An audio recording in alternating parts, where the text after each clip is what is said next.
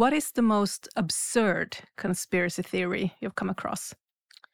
Well, there are many absurd conspiracy theories going around. So it is quite difficult to pick one. But of course, at the moment, what comes to my mind is this story about the exploding bats because of the wind turbines that have been like going around in, in Finland. And of course, what comes to my mind, which is one of the most absurd and also most fascinating, uh, is Pizzagate. I think a lot of people have heard. So it's this conspiracy theory that uh, claimed that several high-ranked Democratic Party members were involved in a, in a human trafficking and ch- uh, child sex ring. Um, and it all happen in different places, including in this pizzeria in Washington. So the whole idea is very absurd, uh, but it also had a lot of repercussions because there was also shooting in that pizza place, for instance. So these are the examples that comes to my mind first.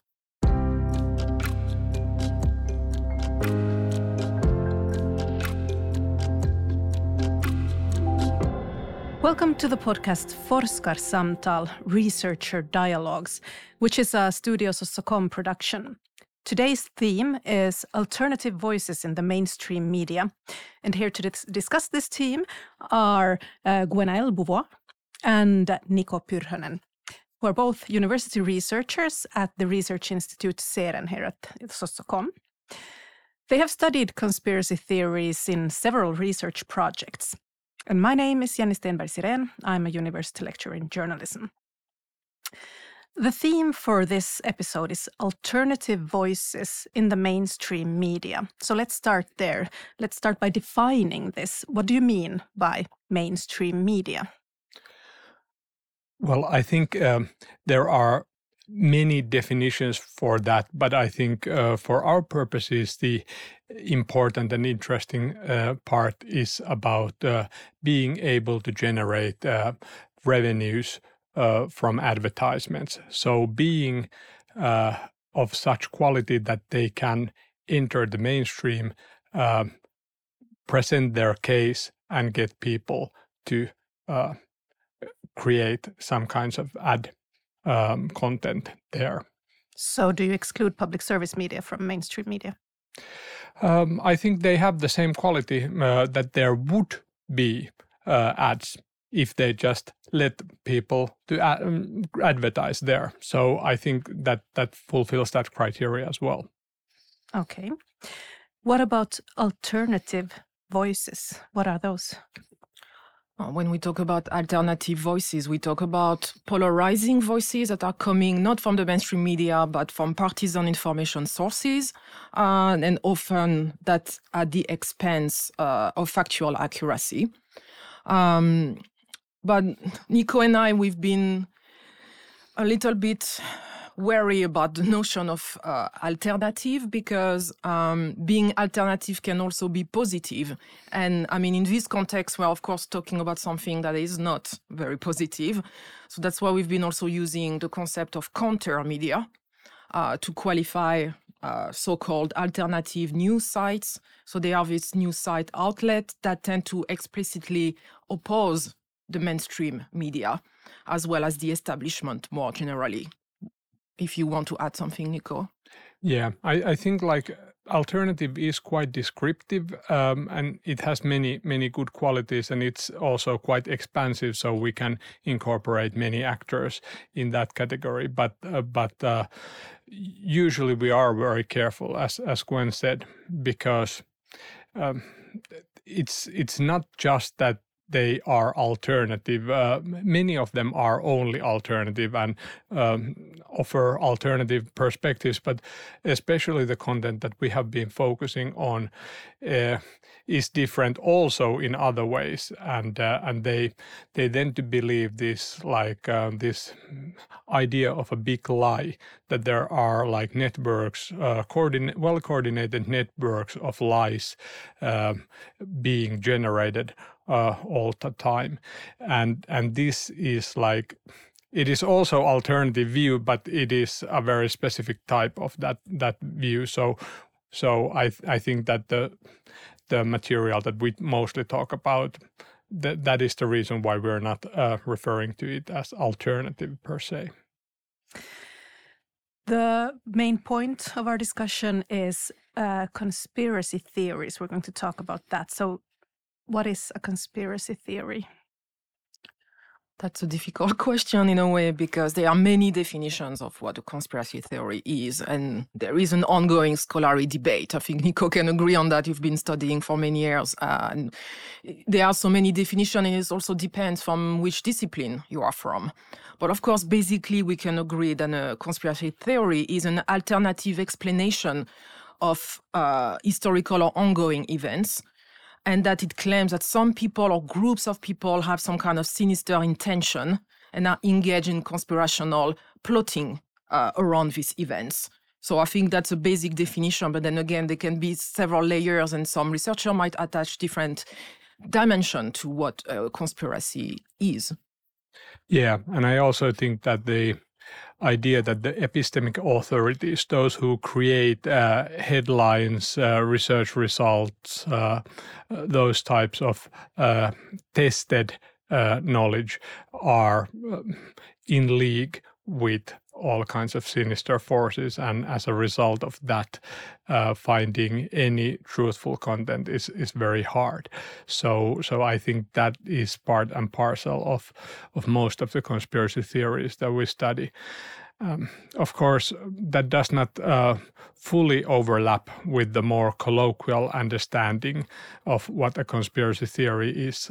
I think uh, the assassination of uh, John F. Kennedy is a very good case in point. Uh, in a recent study um, published, I think, about a month ago or so, from University of Turku people, the Finsky project, they found out that uh, 30 eight percent of uh, their um, of the people who answered their survey said that they believe that that um, there is something else going on uh, or there was something else going on with that that assassination.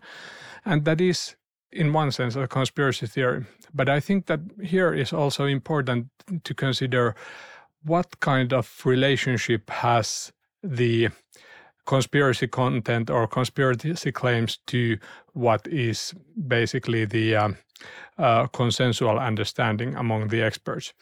And it is notable in this case that they are not saying that there there was not any kind of um, mysterious or unresolved things going on. It's just that they have not been able to generate evidence for that.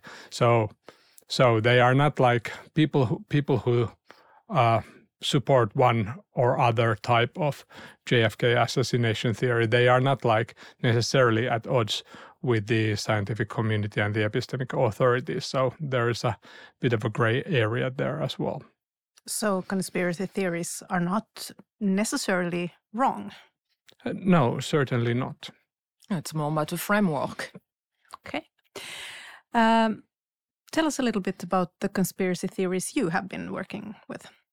Well, they are mostly the kind of content that is made politically relevant in one way or another. So it could be that they are about uh, politics or about political actors. Um, some of them are very intentionally and purposefully created from top down. Uh, the kind of uh, Macron leaks uh, in France, to an extent, the voter fraud uh, uh, conspiracy theory. The, these are of, of that kind. Um, some of them uh, acquire this um, potentially political relevant character in time, uh, as was the case in with with Pizzagate. That that it uh, first of all it was it was aimed to be a, a very influential political uh, um, uh, election interrupting kind of uh, theory, uh, which had um, many uh, like tailor-made components, but but when when no one was really controlling how the message was uh, going on, uh, how it evolved in time, then it mm, became really like uh, weird and esoteric, and of of course it piqued people's interest, uh, but um, at the same time uh, it lost many of its uh, uh, uh, pinpointed political meanings that um, people in charge of it very early on had in mind. Could you remind us again what is Pizzagate? Yes, so Pizzagate is the uh, theory that there is a Hillary Clinton driven uh, pedophile circle that is convening in the basement of a specific pizzeria in Washington, D.C. Um, that, that started gaining traction during the election year 2016. Mm. And also the Macron leaks that uh, Niko just mentioned, maybe to just to refresh people's memory, it's not as famous as Pizzagate.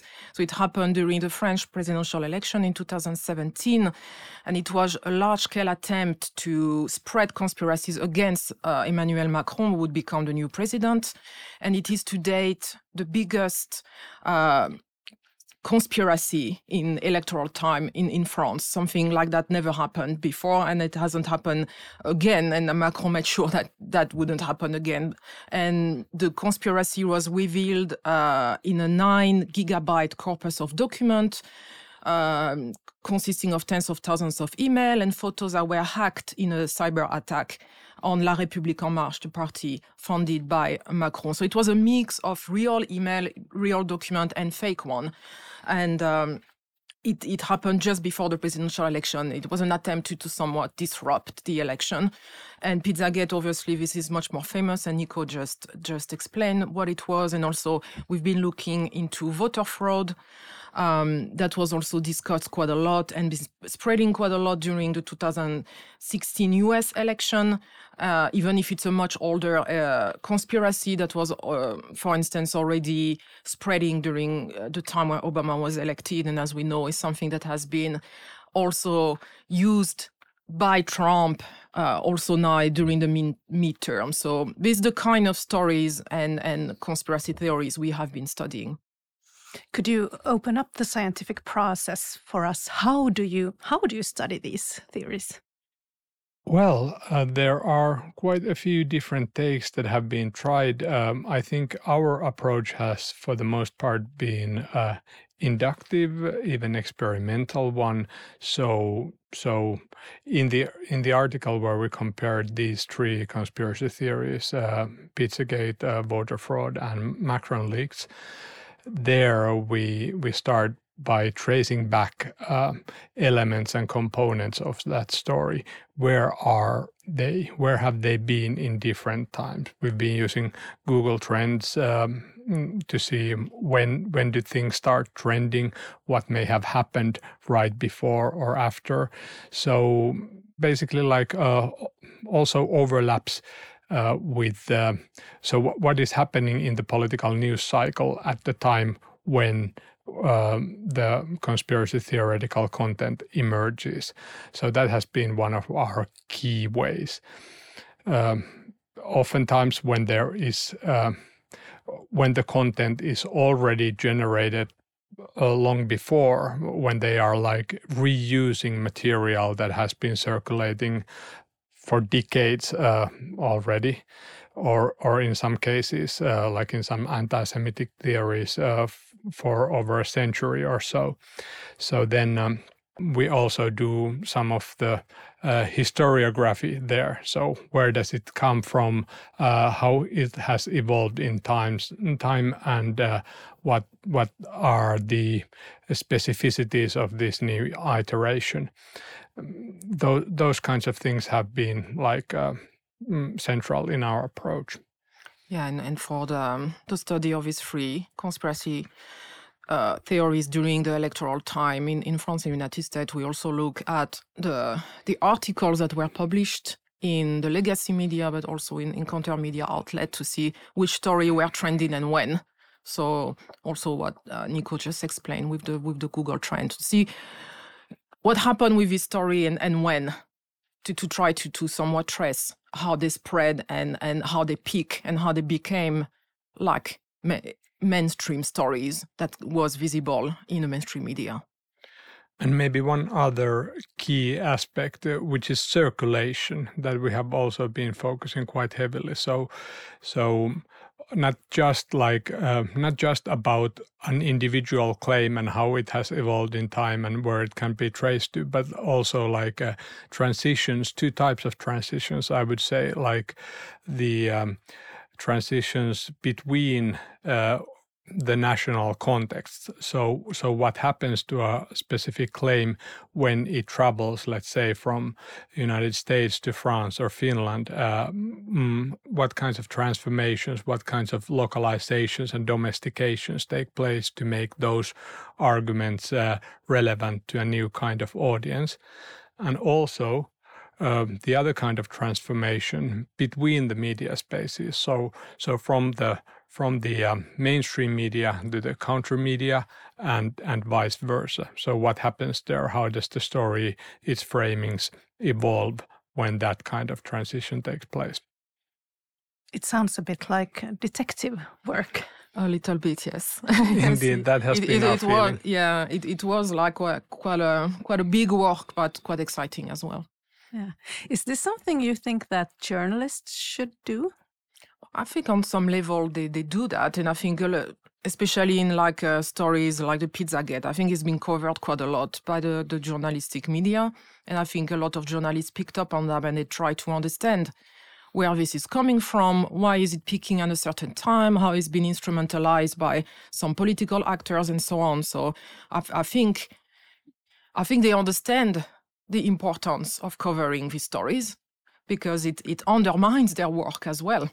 So I, think they, they understood that, and especially especially in, in 2016, I think a lot of people understood that uh, this needs to be covered and, and understood, and we need to take it seriously. Yeah, at least our work has been greatly inf- influenced by journalistic output, uh, also as like uh, one source of data uh, to be studied. What is being written about it, when and and why, um, but also it has been quite uh, inspirational and instructive uh, every now and then, especially when it's this kind of investigative journalism, because it it often points us to some places that we hadn't been considered before. So, so in that regard, mm, I kind of hope that our work could also be useful for uh, journalists in the same way that that maybe we underline a certain kind of development that is interesting, that would be interesting to cover for especially mainstream audiences as well. Have you always been able to to follow uh, the process and get find the source for the conspiracy? No, I, I would I would say that that it has been quite rarely the Mm. case. Rather, we have been able to trace back uh, the digital footprints uh, for quite long, but obviously, when when we're talking about the actual origin Mm. of a new theory, then then I think it's not oftentimes possible to just say that yeah, it's these people who who started it. Yeah, the origins are not always clear, and it's a bit of a mystery. And Wow. ev- yes, and even if you are able to like identify the originator of a conspiracy theory, then usually the theory has quite drastically changed when it uh, acquires um, attracts a larger audience, not just in the mainstream, but but even within the uh, online uh, spaces that are more secluded. So so if if we're able to find the origin then probably it's the origin of a quite different story than what we know now. So that's also an added reason why it's it's really hard to say say that these these were the people. Uh, you mentioned uh, that uh, some stories may go back a hundred, a century back in time. Uh, have conspiracy theories always existed? Do we have an answer to that? I think they are not new. At least we can say that because, uh, I mean, the idea of a corrupt elite cabal working behind the scenes is nothing new, obviously. Uh, already back in the 17th century in France, there was the term of cabinet noir, the, the black chamber, uh, it was coined at that time to describe Cardinal Richelieu's office that opened the letters of uh, King Louis XIV opponents. So already back in the time, they had this idea of some kind of cabal, of uh, some kind of elite that was behind the curtain and was like manipulating the, the audience and, and the opinion. So it is not, it's not something new. That's for sure. If Niko wants to add something about that, but yeah, I, I would say that the, the big difference uh, was obviously that it was very um, splintered field um, before uh, the internet times. Uh, mm. That's why, like um, in in many circles th- there was not this kind of understanding that that we have this conspiracy theory. It was like a um, common quite legitimate understanding of how how politics works for example or and how the elites behave in in some circles. And obviously the details of those changed when the location changed. These people weren't in touch with each other and and as a result, even if probably quite similar um, numbers of or proportions of people um, believed uh, in some conspiratorial content, um, it it did not really resemble that much uh, the the phenomenon that we are now studying. Yeah, and of course we have now platforms that allow also these conspiracies to, to travel very fast and reach a larger amount of people. Of course, with this kind of idea that there is something behind the curtain and so on. This is nothing new, but it, it could reach only a limited amount of audience in a way for a limited amount of time.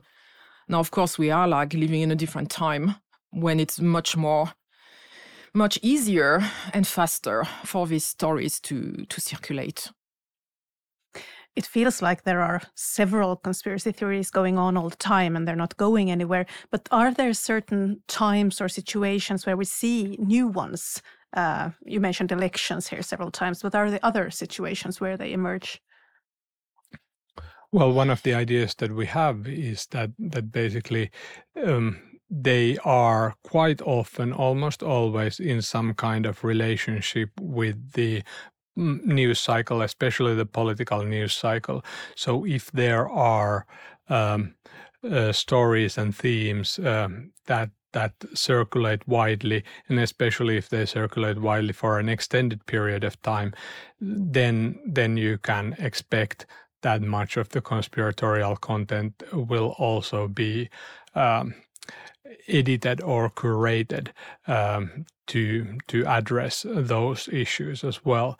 And I think that is part of the reason why why conspiracy theories are being talked uh, so much about right now. So it's it's not it's um, it's a relatively old field, uh, even in uh, social sciences. So so people have been studying that also for decades. But but the new newfound interest and especially the emergence into the mainstream space and and all the journalistic discussions too, I think they are due to the fact that that there are divisive and polarizing issues that are being discussed all the time, every day. Uh, the pandemic, um, the pandemic uh, uh, component, uh, um, dif- different actors in that. So, so those are dividing uh, audiences, even the mainstream audiences, every day. So it is a very fertile ground for the conspiracy theorists to operationalize in their activities. Yeah, I think we can say conspiracies, they actively spread in crisis time, obviously.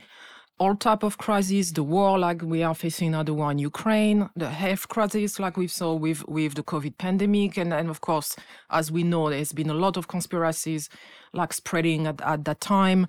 So obviously, every time there is some, some kind of crisis, it's very fertile ground for for that type of uh, conspiracies to to spread. And of course, as you mentioned, like uh, in what we have been studying with Niko, are the electoral times when there is a lot at stake. It's really a time when there's a concentration of that type of stories that are being used and, and being spread. So the context of election is especially good for conspiracies to to spread because it's it takes the form of this over, uh, overarching conspiracy among uh, a corrupt cabal of political and media elites. So, of course, it's really a time when this kind of stories will will be especially visible and they will be used. Maybe one more thing about the crisis and, and the relationship of uh, conspiracy theorizing to crisis and crisis sentiment is that that that even though it's also true that they there are more um, conspiracy theories during uh, crisis times, it is also the fact that they amplify the crisis and also generate all kinds of uh, crises within the bigger um, framework of let's say the pandemic times. There is like added added crisis that that um, the vaccinations they work drastically differently and they are part of uh, ploys to bring bring the new world order and and so on. So usually i would say that crisis as it is generally understood is not enough to to really fuel the uh, conspiracy theories. So they have to be somehow further refined and amplified in order to be really useful for the for the majority of conspiracy theorists this is interesting useful? What do they what is the goal? I think at least one of the things that are on the most general level is uh, attention uh, creating uh, expanding platform um, finding new audiences. Um, i think that is what most actors everywhere have in common. Um, then then obviously much changes when we look at different contexts and different different places um, in terms of what incentivizes the conspiracy theorists. Especially abroad and especially in the united states there are distinct uh, monetary uh, elements. Some people have actually become rich uh, by circulating conspiracy theories. Well, some have become really poor, like Alex Jones, fortunately.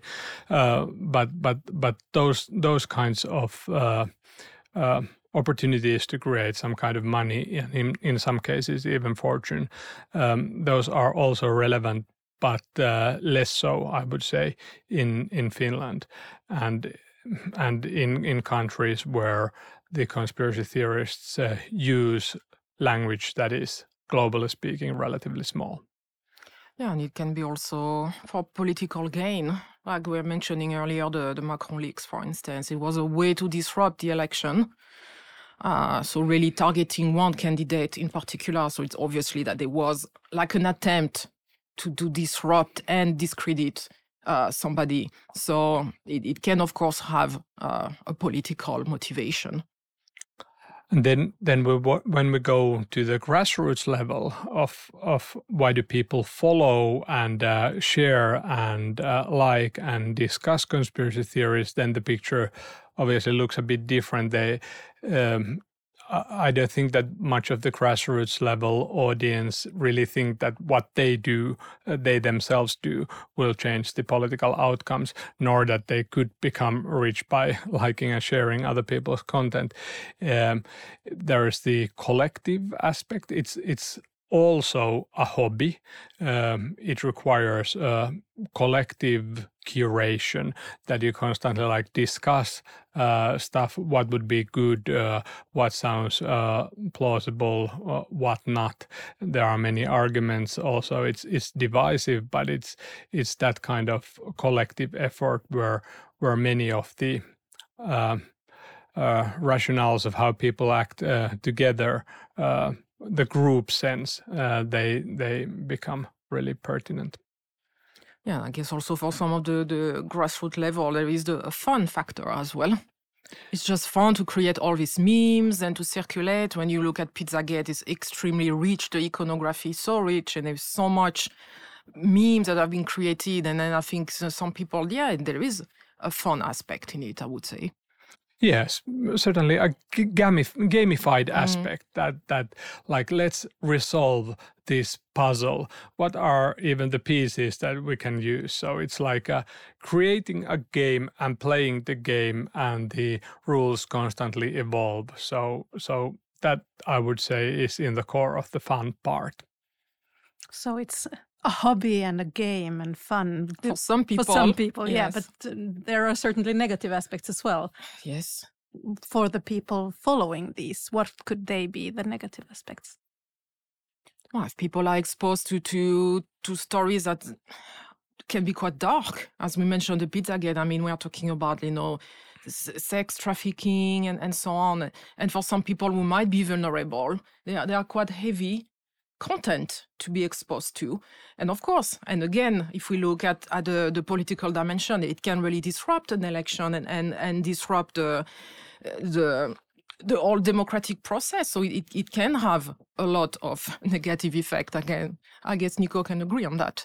Certainly. Mm. Certainly the um, expanding distrust um, that also, in mm. especially the institutional distrust, but like the general distrust, even even some kind of existential distrust that that none of the even the even the basic building blocks of of uh, how we perceive the world as working uh, do not really apply, and and that that may cause many people um, in their uh, sphere of influence to become rather passive, um, which is not not quite often discussed. Um, that that at the same time they would need to do so many things to change drastically how the world works that they basically their political activities are reduced to liking and sharing and uh, and online commenting. That's that's like a, a bigger I would say, mm, societal level issue. But then if we look on the individual level, like what happens to people who, uh, to use the very uh, uh, common expression by now, who, who jump into the rabbit hole, um, it's uh, it is a very uh, isolating experience uh, when you have these um, to- when when you internalize certain talking points and and understandings about how the world works and and especially politics they become of the kind that it is really hard to discuss those ideas with other people um, you don't really you can't really easily open uh, a discussion about the 5G microchips in the coffee room of your working place. So, so it also creates the sense that there are very few people with whom I can talk if if I really seriously believe in these uh, conspiracy theories and if I would want to talk about politics with other people. So so it like uh, closes the door for those kinds of uh, discussions where people generate and test um, and develop their understandings of things, and also it creates the kind of loneliness uh, for many people as a result of that. But do the followers actually believe the conspiracy theories? I don't think I've given like any interview without addressing that that particular question at all. Well, uh, the short answer is that we don't know. We can't we can't really know. Like uh, um, that is a very hard thing to gauge. That what do people really believe, and uh, uh, scholars of religion have been uh, trying to resolve that kind of issue for a long time, but I, I don't think that there is a very clear cut answer, a very clear cut approach to know what people um, really believe. I think that that it uh, it can be deduced that um, at least many of the influencers or the people who have already some kind of platform that they often don't believe uh, those and and that could be like uh, deduced from the fact that they are sharing and arguing many uh, conflicting or contradictory things at the same time. So they know that that all of this at least uh, cannot be true yeah, and if we take the example, for instance, again of Pizzagate, which is a really good example, uh, many people who contributed in creating the content, in sharing the content, didn't necessarily believe that there is this kind of pedophile ring. So it's it's not so much about believing like hundred percent to to this kind of. Uh, ring in the basement of a pizza place in, in, in Washington. It was more about participating in a collective curation of this content. And we are talking about the fun factor. There is, it was definitely one aspect. And sometimes this participation is an end in itself, just to being part of that collective effort in a way. And people really believing in Pizzagate are probably a very, very small minority. Of course, there was this person who went to the pizza place with the gun. Unfortunately, nobody died, but these kind of people are really, really a small minority. But what a lot of people believe in is that the political system and the media is corrupted and cannot be trusted. I think that's probably the, the biggest commonality, but not believing so much maybe in these stories in themselves. I agree. Um, and and I also think that in in certain way the question of whether they believe or not is not always that relevant even uh, like if we consider the voter fraud claims. If people act as if they believed those claims the end result is pretty much the same as if they actually believed. Uh, there will be unrest, there will be protests, uh, there will be uh, large scale attempts of delegit- delegitimizing the election results, and so on and so forth. So, especially if we're talking about political sociology and how people are uh, changing their behavior as a result of being exposed to conspiratory content, then the question of actual belief is not that interesting. You know, I guess as sociologists, it's not an answer we can, it's not a question we can really answer.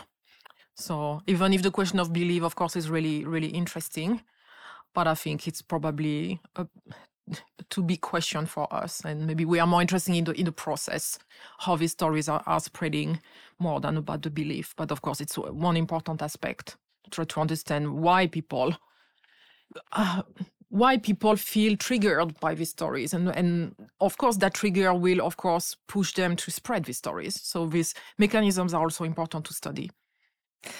Uh, let's talk about the spreading of these theories then uh, and the role of mainstream media. I am doing quotation marks here with my fingers. Uh, the role of mainstream media for these uh, conspiracy theories. What is it and what should it perhaps be well, uh, I I'm thinking about the uh, Convoy Finland case uh, in particular. Just uh, yeah, Con- explain that. Convoy Finland um, uh, was um, an event uh, this spring, um, or rather late winter, when people drove their cars in support, basically in support or modeled after the original convoy protest of the truckers in Canada, uh, where they that that was actually initially sparked by um, by the very um, acute and immediate interest um, um by the truckers themselves, their employment uh, related issues. And they gained uh, already in Canada uh, a large follow up uh, super fast because they were protesting in the public space during a time when uh, that kind of protest was not really considered possible because of all the restrictions and regulations, and people wanted to voice their dissatisfaction to the restrictions in particular, and uh, and uh, supporting the truckers uh, was um, a perfect opportunity for doing that, and people started congregating around that because not much uh, other things was going on at the same time. And I think that the Convoy Finland uh, uh, was very similar um, in in that particular regard. That that once some people took the initiative and promised to organize this rally where they blocked the streets of Helsinki. Um, they they saw that this is an opportunity to voice uh, all kinds of concerns uh, uh, about the restrictions, um, about the vaccinations, against the government, uh, you name it. So so it it brought a lot of people together. And how it how it relates to the role of mainstream media i think mainstream media was instrumental um, at least in the finnish context to bring knowledge uh, about about in the first place that something like this is happening. Um, and uh, well, it was an event at the time when there were no events, uh, and and they were interviewing researchers uh, uh, already beforehand. There was this kind of uh, um, media spectacle being generated that okay now now the uh, now the cars are only 100 kilometers away from Finland and getting even closer and soon it starts and and that, those kinds of uh, uh, news titles uh, filled uh, the media space for a while so so kind of everyone wanted to know okay so what is what is this thing going on um, I would say in in cases like this, uh, media plays a significant role in in bringing this kind of content to uh, people's uh, attention, and also that way uh, inspiring many people to join. Yeah, I think it's an uh, inevitable dilemma for for the mainstream media, because of course their duty is to report on these conspiracies but at the same time, when you you report on them, you give visibility.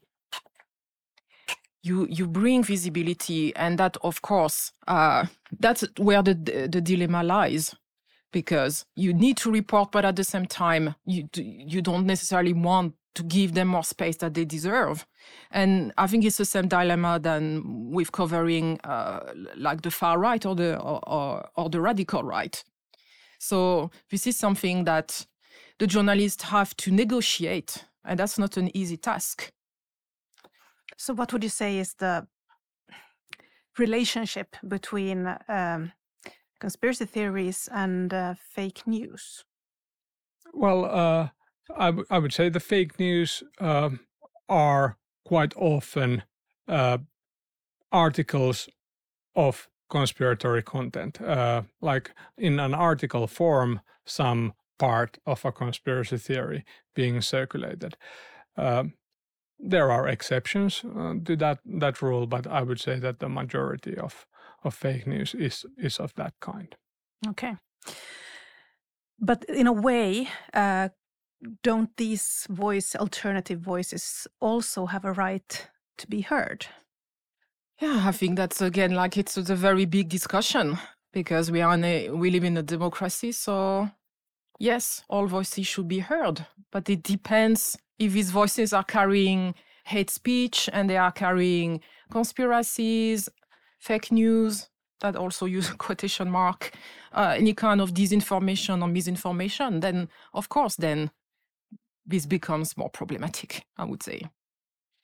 I think the right to be heard uh, is a problematic expression because it, it's like it's a it's a compound right. It's not not some it's not a right that you can just give to someone because because even if they have right to be heard, then that is not enough to be heard, uh, even with the right. I mean, there has to be someone who takes your voice and somehow amplifies it, and and then it's not about the right to have this opinion, but then it's some kind of uh, uh, responsibility of another party to amplify and circulate that voice.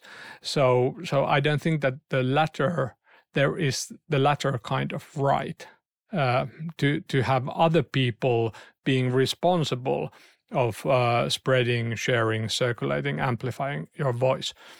So, so in that sense, uh, I think maybe the question in that format cannot be uh, very directly answered. But if we talk about mainstream media, could mainstream media neutralize uh, these theories by giving these voices a platform as well? I think uh, certainly they can do that, and and they do, and they do indeed. Um, I guess uh, the main question here is uh, what voices and what arguments will they take? Is it something that is uh, uncovered by digging into specific uh, forums, uh, online discussion board, places where these people congregate, where they discuss among themselves? Um, generate some kind of flashy headlines uh, from that. Um, I think th- that is not very um, constructive. Uh, but then, then like if we are talking about the people who already have some kind of platform, maybe they are aspiring politicians. In some cases, they are parliamentary politicians, uh, people in one way or another high positions who who have already been uh, at least somewhat successful mm, with the conspiratory content and how they use it, then that is obviously crucial to be covered. Have you, as researchers, uh, received feedback from people believing in certain theories? Not personally, no. Not much. Um, I think that it has also to do with how we operate, especially how we operate in social media. So, so we are not like uh, we have not adopted this kind of activist position no. where we would like very actively be sharing and arguing uh, about our content and uh, about our research results, and that's it's a double-edged sword. Uh, it would be nice to do also that um, more, but then again, it makes it, it would make it much harder to do this kind of research because then then we couldn't as easily enter or with our own personas uh, in these um, arenas where these discussions are being had, uh, being conducted. And we have, by the way, always been using our own names. Uh, we haven't been creating any pseudonyms. We haven't been doing this kind of uh, like old school detective work where we personify someone else or some something like that. So so yeah, I would say I would say that that is a significant factor that that uh, shapes our research. Yeah, of course, we have received some criticism from some individuals. I think it's quite quite inevitable, you know, if some of the research results have been like covered by the mainstream media, some people will go and check out the report and then and then write something about us on, on social media. But it, it has been quite rare cases, and yeah, I think we've been just trying to to do our work and not minding too much these kind of comments. Final question then what can we learn? What can society, what can media, what can we all learn from your research? That's a pretty heavy, heavy one. Um, I think the the trust related uh, questions uh, uh, about who to trust, how to how to talk about those things, how how to cover the so-called alternative uh, stuff. I think I think those are those are the important aspects to be learned, like who who to cover, uh, why not dig in the sites of origin and and publish publish like uh, uh, scandalous pieces from there. I, I think that would be a, maybe a quite concrete uh, advice. Um, then maybe like then the uh, sensi- sensationalizing. Uh, frames about how common this has become and how how times are now so different. Mm. Uh, I think there could be more like uh, um, historical understanding of that. That that like necessarily the people who believe the number of the people who believe in some kinds of conspiracies have has not really increased uh, that much. It's about like it's it's the connections to uh, the political sphere mm, that that we regard as as most in, interesting and important to be discussed. Thank you, Niko and Gwenaëlle. Thank you. Stay tuned for more episodes of Forskarsamtal Researcher Dialogues by Studio Soc&kom.